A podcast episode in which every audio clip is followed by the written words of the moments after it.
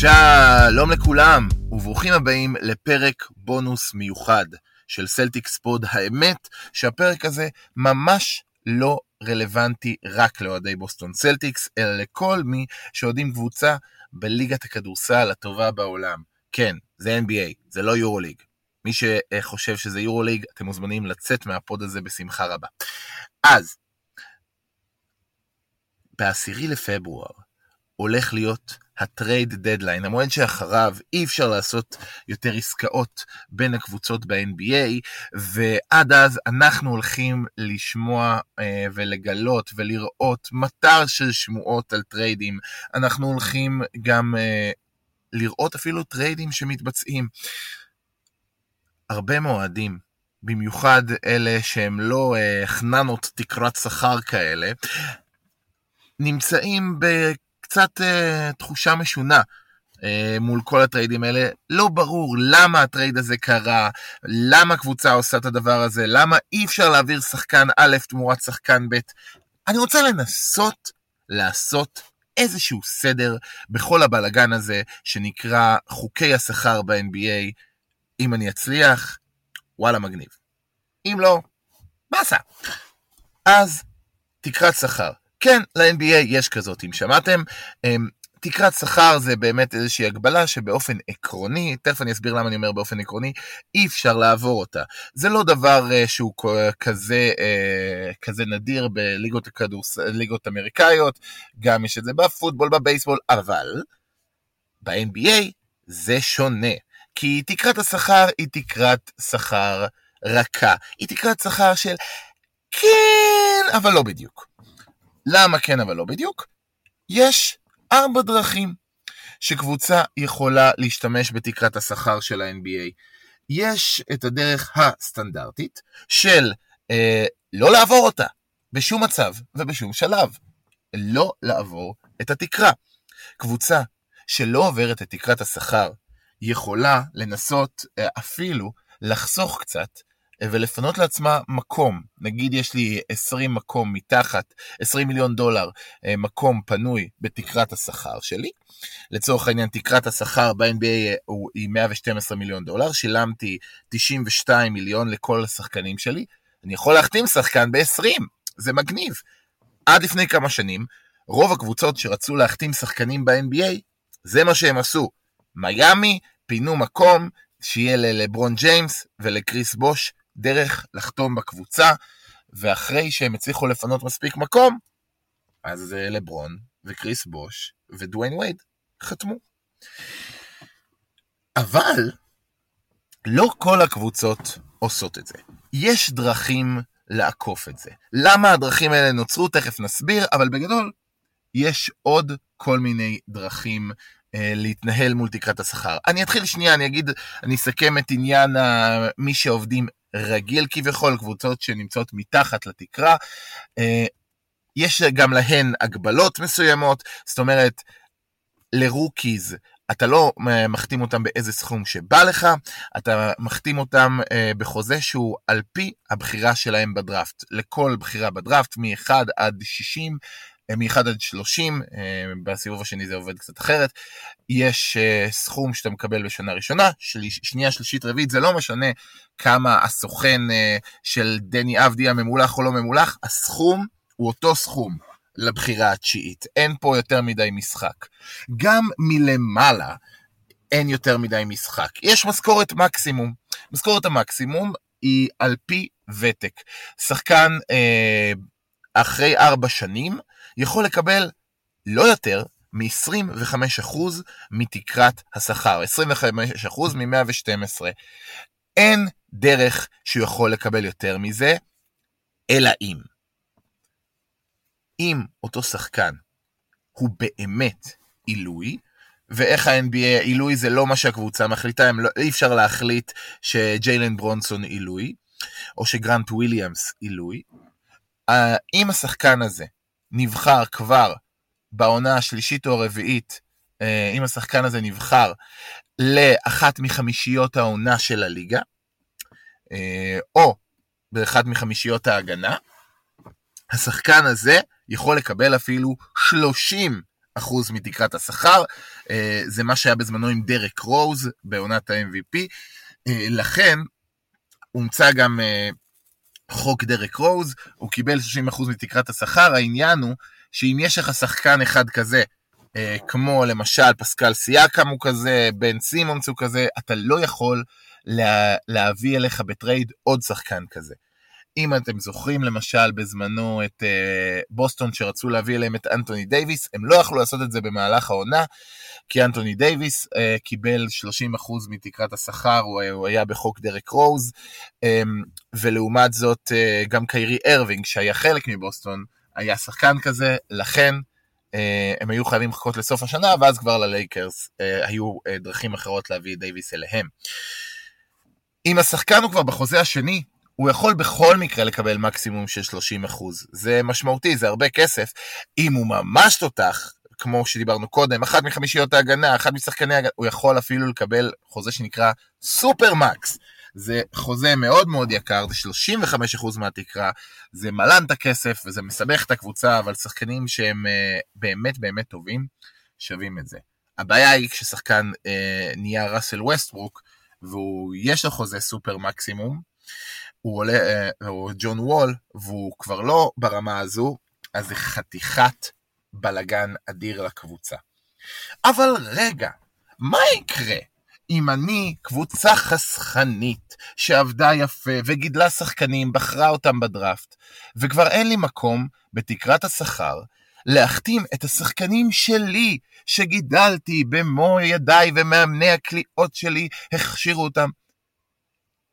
האם אני לא, אין לי כסף להחתים אותם בחוזה נורמלי? האם יכול להיות שקבוצה שילמה חוזה רוקי נמוך ואחרי ארבע שנים, אחרי שהיא גילה את השחקן הזה טוב טוב טוב, הם, האם יכול להיות שככה יחטפו לאותו קבוצה שיש לה יותר מקום בתקרת השכר? זה לא הגיוני. לכן נוצרה עוד אפשרות. דבר ראשון, אחרי ארבע שנים, שחקן הוא מה שנקרא אה, חופשי מוגבל. מה זה אומר?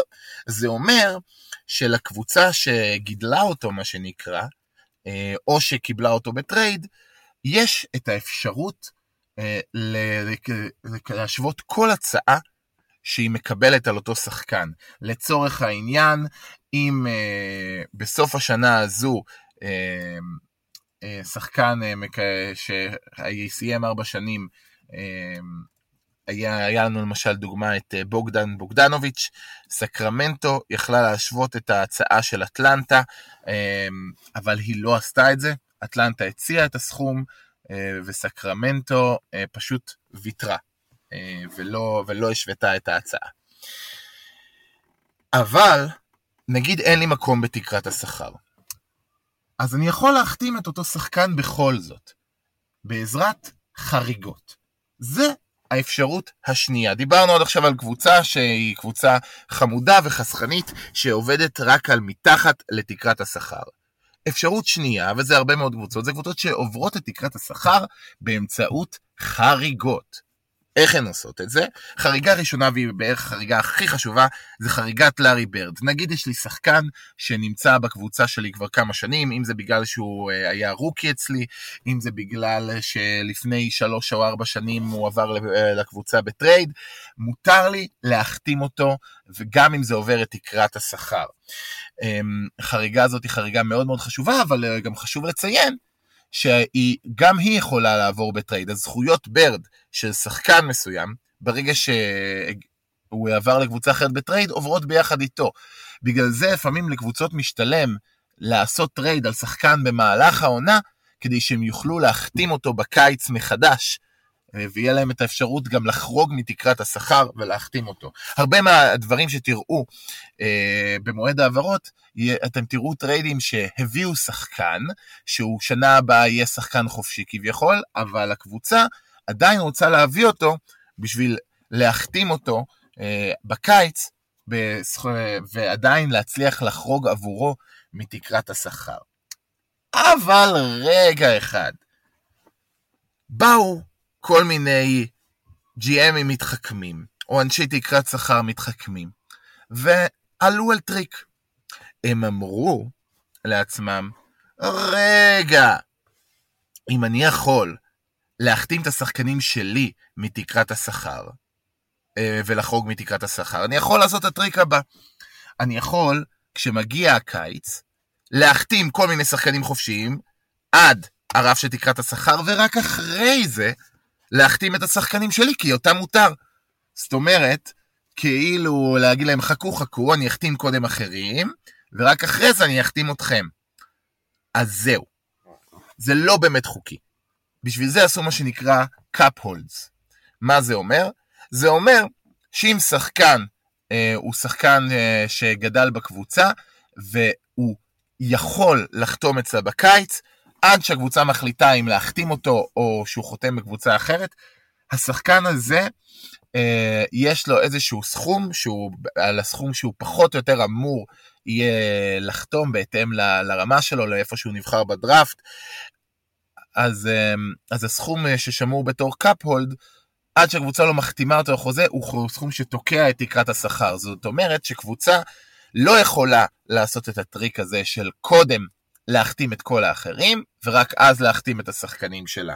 כי השחקנים שלה עדיין תופסים מקום. זו החריגה החשובה ביותר, חריגת לארי בירדים. הבנתם אותה? הרוב מאחוריכם. אבל נגיד קבוצה כבר אמרה, אוקיי, עברתי תקרת השכר, וכבר, אני כבר הולך מה, שוב, אני אמשיך עם אותם שחקנים, אין לי שום מרחב תמרון, יש מרחב תמרון. עוד חריגה שהיא נורא אה, פשוטה להבנה, זה חריגת שכר מינימום. מותר לקחת שחקנים שהם במשכורת מינימום, אה, ואפילו יותר מזה, שחקנים שהם ותיקים במשכורת מינימום, אז המשכורת מינימום שלהם יחסית גבוהה, היא 3.6 מיליון דולר, הליגה מממנת חלק גדול מהמשכורת מינימום. זה כדי ש... לא יזנחו את הוותיקים, הפזמניקים, הם, הם כן מקבלים יותר, אבל לא יזנחו אותם לטובת שחקנים צעירים שעולים פחות, אה, פחות כסף. אז הליגה עוזרת במימון של השחקנים האלה אפילו.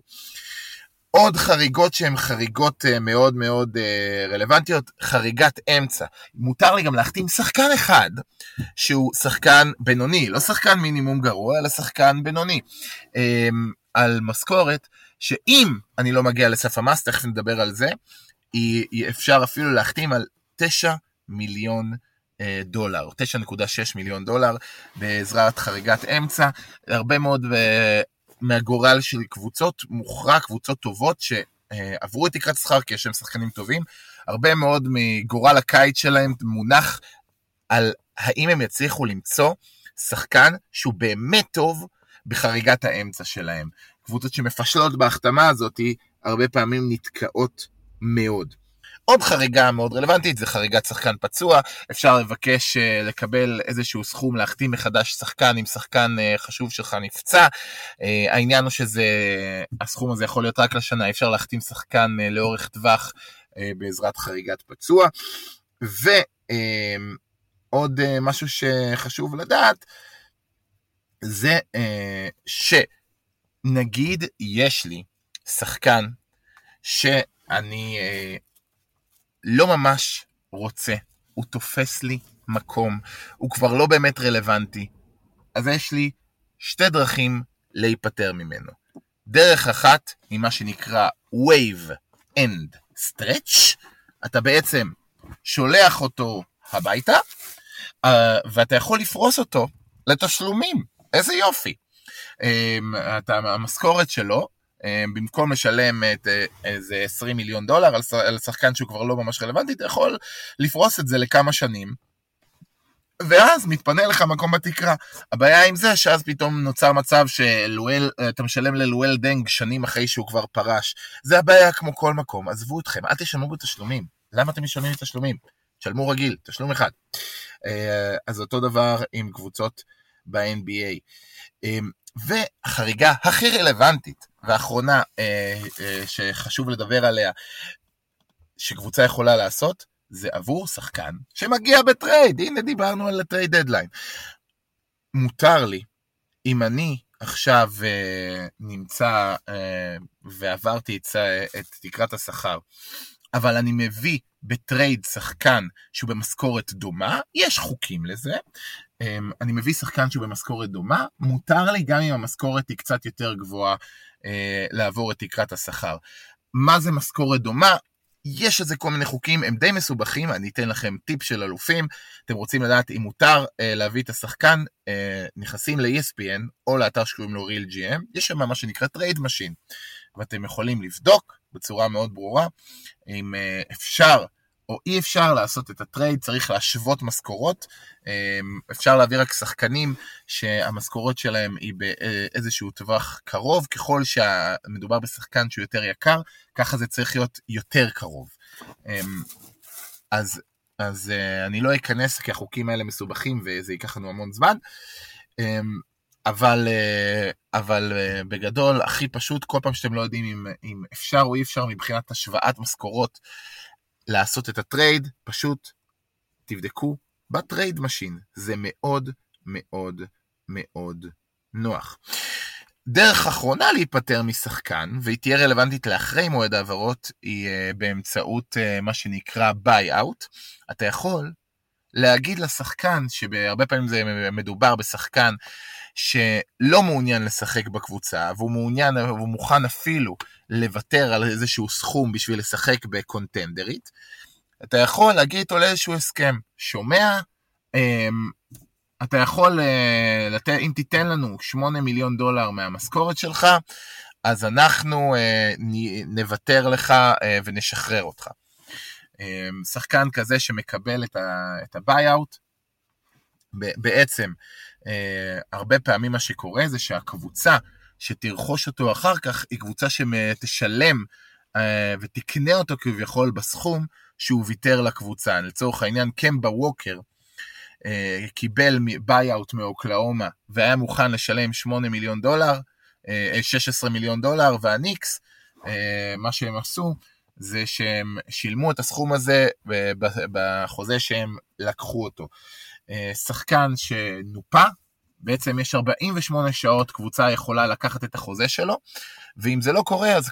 אז uh, אפשר להחתים אותו מחדש על חוזה יותר נוח ויותר נחמד. עכשיו, גם לטריידים יש עוד כל מיני חריגות חשובות לדעת ורלוונטיות.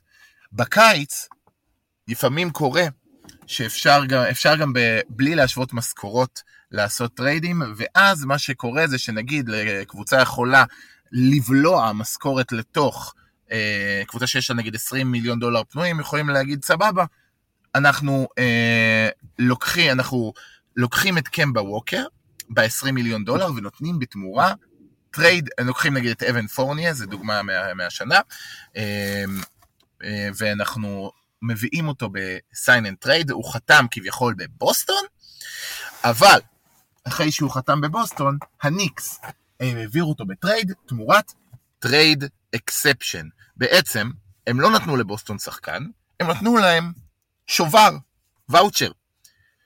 ובאותו שובר, בוסטון יכולה בעסקאות עתידיות להשתמש באותם 18 מיליון דולר, היא יכולה לנצל אותם על מנת להביא שחקן אחר, אבל זה שובר, אי אפשר לאחד שוברים, אי אפשר לעשות שובר פלוס שחקן, זאת אומרת, אי אפשר להגיד, אני משתמש ב-18 מיליון דולר פלוס ג'וש ריצ'רדסון אה, תמורת שחקן, אפשר אך ורק אה, לעשות משהו בסגנון, אני משתמש ב trade exception, ב-13 מיליון דולר מתוך ה trade exception, בשביל להביא את ג'וש ריצ'רדסון. זאת אומרת, על שחקן אחד, אי אפשר פה, אה, אי אפשר פה לצרף trade exception לעוד אה, לעוד שחקן בשביל להביא שחקן טוב יותר. עכשיו, קבוצות אה, שהשתמשו בחריגות יכולות להגיע למצב שהם עברו את תקרת השכר במלא. מה זה במלא? אם קבוצה השנה עברה את הסכום של 136 מיליון דולר, היא כבר צריכה לשלם על זה מס. לאן המס הזה הולך? האם זה לאומה האמריקאית? האם זה לי ולכם אוהדי ה-NBA? לא. זה הולך לשאר הקבוצות. בעצם, כל הקבוצות שבאמצעות כל החריגות הצליחו לעבור את הסכום של 136 מיליון דולר, הסכום שהן משלמות מס הולך למין קופה שמתחלקת בין כל שאר קבוצות הליגה. זה מוטיבציה נהדרת לכל הקבוצות הקמצניות, לכל הבעלים הקמצנים, לא לעבור את סף המס. לא רק שאתה לא משלם מס, אתה גם מקבל צ'ופר, מתנה, אה, שיכול להגיע אפילו לאיזה 20 מיליון דולר מכל הקבוצות, הקבוצות שכן עברו. מה העניין עם לעבור את המס? אם אתה עובר את זה בשנה הראשונה זה לא כזה נורא, אתה משלם איזשהו אקסטרה סכום אה, על כל דולר עוד דולר, אבל אם אתה, אתה עובר את זה שנה ועוד שנה ועוד שנה, ככל שאתה עובר באופן, אה, אה, אה, עובר עוד פעם ועוד פעם ועוד פעם, אתה עבריין חוזר שצריך לשלם מס, המס נהיה גבוה יותר. לכן קבוצות כמו ברוקלין נץ יכולות להגיע למצב שהן משלמות מעל 100 מיליון דולר במס. זאת אומרת, הם החתימו בעזרת זכויות בירד, בעזרת sign and trade, את השחקנים שלהם, ועכשיו הם מזמן, מזמן, מזמן מעל השכר, גם גולדן סטייט במצב הזה, והם בעצם צריכים לשלם אקסטרה במס, והמס הזה זה מס שמגיע בעצם לכל הקבוצות אה, היותר עניות בליגה או יותר קמצניות בליגה שלא uh, משלמות מס. איך זה גם עוזר באיזושהי מאוד צורה? הרבה פעמים לקבוצות משווקים קטנים אין המון כסף מזכויות שידור. אין לממפיס את, אותו, את אותם הכנסות כמו ללייקרס. באמצעות אותה קופה של מס, אה, הם יכולים להרוויח איזשהו סכום יפה שעוזר להם מאוד להתנהל ולהצליח להתקיים אה, בצורה כזאת. עכשיו, דבר אחרון שחשוב לדעת בהקשר הזה, זה ש... יש גם דבר, קבוצות שלא יכולות לעבור את סף המס יותר מדי. הם מה שנקרא hard capped. זאת אומרת, התקרה שלהם הפכה להיות קשיחה. מה הפך את התקרה לקשיחה פתאום? למה זה קרה להם?